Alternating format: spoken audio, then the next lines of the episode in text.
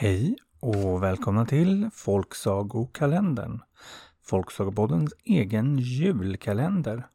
Och det är visst redan 6 december. Tänk va, andra advent har kommit och gått. Hoppas ni hade det trevligt, det hade jag. Och idag är vi då framme vid Dalsland. Ja, var ligger Dalsland då? Ja, det ligger faktiskt vid norska gränsen. Eh, så vi är alltså på västra sidan av Sverige. Upp där eh, Sverige och Norge går ihop ungefär. Så vi är alldeles bredvid Vänern. Och Dalsland det kallas ibland för ett Sverige i miniatyr. För att trots att det är så litet så är det väldigt varierat. Det finns både höga berg och vida slätter och skogar och sjöar och floder. Ja, you name it. Dalsland it's got it. Landskapsblomman är den vackra Friatmigejen och landskapsdjuret är korp. I Dalsland kan man besöka Åmål eller Bengtsfors eller varför inte Dals Långed. Om dagens huvudperson kommer från någon av de ställena, det vet jag inte. Men jag vet att hon heter Furpan och hon kommer här. Det var en gång en bonde som hette Nils. Nils han var arbetsam och duktig på att arbeta och skötte sig alltid men hans fru var det märre med. Hon hette Furpan och hon jobbade då rakt inte i onödan. Vilket var jobbigt för Nils som aldrig riktigt fick hjälp i sitt arbete. Han klippte till exempel alla får och skaffade fram en stor hög med ull. Men den blev bara liggande hemma för Furpan orkade inte karda och spinna och väva och allt vad man nu gör. Så ullen bara låg där.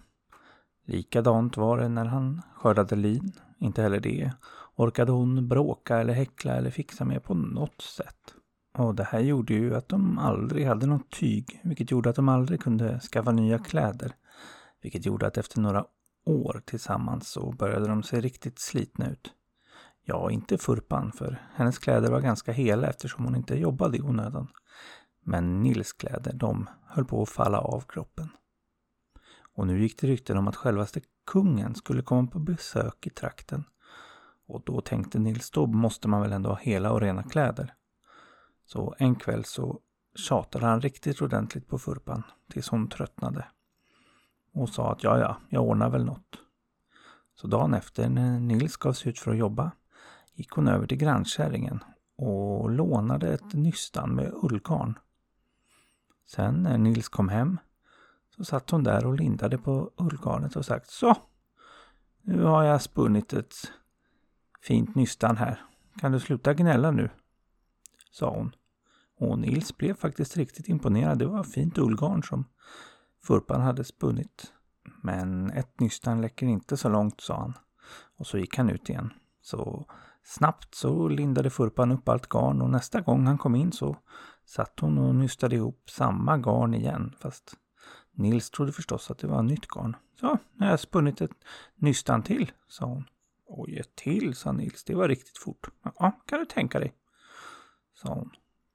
Och så höll hon på i några dagar, fram och tillbaks med samma garnnystan tills det blev slitnare och slitnare. Men Nils han var så glad att Furpan jobbade att han såg inte ens kvaliteten på garnet. Och nu blev det faktiskt känt att kungen faktiskt skulle komma till byn. Och då gällde det att ha nya kläder så Nils frågade Furpan om hon inte kunde väva lite tyg av allt det där ullgarnet hon hade spunnit. Så att eh, han kunde få lite nya kläder till att kungen kom. Ja, men nu var ju Furpan tvungen att hitta på något för hon hade ju bara ett enda nystan. Men hon var listig så hon sa Nej, jag kan då inte väva lika fint som min mor. Och hon är minsann skyldig mig att väva lite tyg åt mig. Så tar du med en säck med garn till henne så Eh, får hon ordna det där. Sa hon. Och det sa Nils att det ska väl gå bra. Men då ville han ha en säck med garn och Furpan hade ju bara ett enda nystan. Men hon var listig så hon tog en säck och så smög hon ner i den själv och så gömde hon sig under lite filtar och lite lös ull och överst så la hon det enda garnnystanet. Och sen bar Nils iväg med henne ända hem till Furpans mor. Där ställde han ner den ganska tunga säcken utanför dörren och knackade på och klev in. Och förklarade att han kom med en hel säck med ullgarn som Furpan hade spunnit och undrade om svärmor kunde tänka sig att väva det. Och hon blev lika imponerad som Nils. Hon hörde att Furpan hade börjat spinna. Jobbade hon hemma? Nej, det var helt otänkbart. Självklart skulle hon hjälpa till om Furpan nu hade blivit så arbetsam. Hämta in säcken du, sa hon. Men eh, Furpan hade varit snabb, så så fort Nils gått in genom dörren hade hon smugit ur säcken och sprungit därifrån snabbt hemåt. Så när Nils klev ut så fanns där bara en tom säck. Ja, så när som på lite lös ull och den där garnhärvan som var lånad från grannen.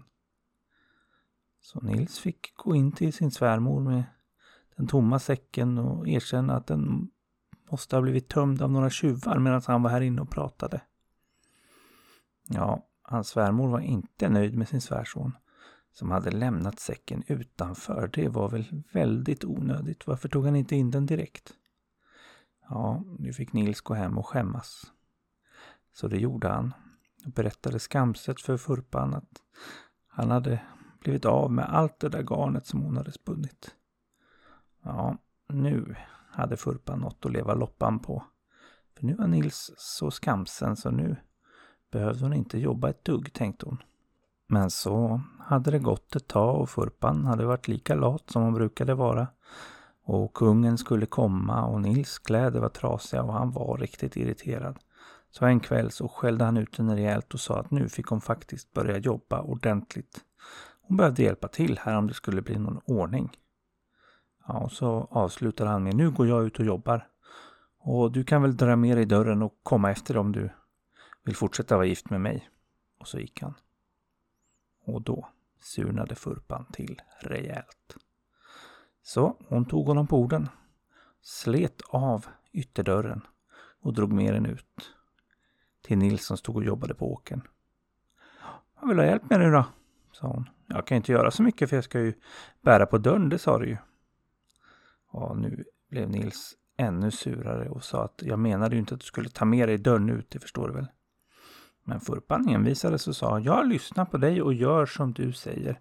Men du kan ju inte ens lyssna på mig och bära en säck garn till min mamma utan att det blir trubbel.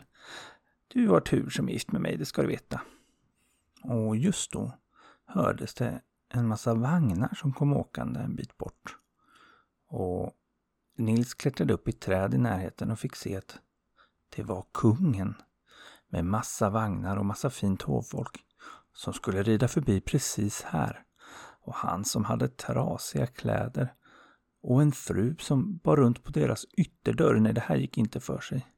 Så han ropade ner till Furpan. Kom upp i trädet och göm dig så slipper kungen se oss. Och Furpan började klättra, men hon ville ha med sig ytterdörren. Nej men släpp ytterdörren, kom upp, sa Nils. Men Furpan vägrade ge sig och han faktiskt ta sig upp i trädet med ytterdörr och allt. Och som tur var så var det här på våren när det var fullt med gröna blad som täckte dem där uppe i trädet. För kungen och hans män, de bestämde sig nämligen för att stanna där på åkern och ta en eftermiddagsfika. Eller ja, för kungen var det en eftermiddagsfika, för oss andra så skulle det nog kallas för en lyxbankett. Det dukades uppe bord efter bord med godsaker. Och besticken var av silver och tallrikarna var av guld och glasen av finaste kristall. Ja, det var riktigt vackert. Och bäst kungen satt där och kalasade under trädet så viskade Furpan till Nils. Vad var det du sa att jag skulle göra med dörren? Som hon fortfarande höll i. Shh, jag sa att du skulle släppa den ur så, sa Nils. Men då gjorde Furpan precis det. Hon släppte dörren som i en rasande fart far rakt genom lövverket och pangade ner precis bredvid kungen. Som blev förskräckt. Han tänkte nämligen att det var självaste djävulen som hade släppt ner den där dörren. Ja, för det var något som var typiskt djävulen tydligen. Så snabbt packade han ihop alla sina män och skyndade sig därifrån. Kvar blev alla borden med silverbesticken och guldtallrikarna och kristallglasen. Och Furpan hon klättrade glatt ner och fortsatte kalaset som kungen hade lämnat. Medan Nils satt upp i trädet och inte visste vad han skulle göra. Ja, det visste inte kungen heller. Djävulen hade gett sig på honom mitt när han var ute på resande fot. Han behövde en präst. Så genast tillkallade han sig en präst som fick i uppdrag att ge sig upp till kalasbordet och jaga bort djävulen därifrån så att de kunde fortsätta resan och få tillbaka sina silverbestick och guldtallrikar och kristallglas. Så prästen gav sig upp dit ganska förskräckt för djävulen var ju ingen att leka med. Och när han kom fram fick han se Furpan sitta där och kalasa. Vik hädan, djävulskvinna, sa han och höll för säkerhets skull upp bibeln. Men Furpan bara skrattade och sa ett sånt språk du har. Ska präster verkligen prata så? Kom hit så ska jag lära dig ett bättre språk. Och det tyckte prästen lät riktigt bra, ett till språk. Tänk så många nya ställen han skulle kunna predika på då. Så han gick glatt fram till Furpan som han tänkte kanske inte var en djävul utan kanske sänd av Gud. Och Furpan bad honom räcka ut tungan. Och det gjorde han. Och då tog hon en liten silverkniv och högg honom i tungan så blodet sprutade. Och han sprang förskräckt tillbaka ner till kungen och hans män med blodet sprutande i munnen och utan att någon kunde förstå vad han sa. Lät det mest. Och de förstod att det där måste ju vara djävulens verk och att det var djävulens språk som prästen pratade. Så kungen packade ihop allt som fanns i närheten och begav sig snabbt därifrån för att aldrig komma tillbaka. Och kvar satt nu under trädet Furpan med silverbestick och guldtallrikar och kristallglas och massor av mat. Och till slut vågade Nils sig ner också. Ja, nu, nu var de visst rika som hade både silverbestick och guldtallrikar och därför behövde Furpan aldrig mer jobba i hela sitt liv.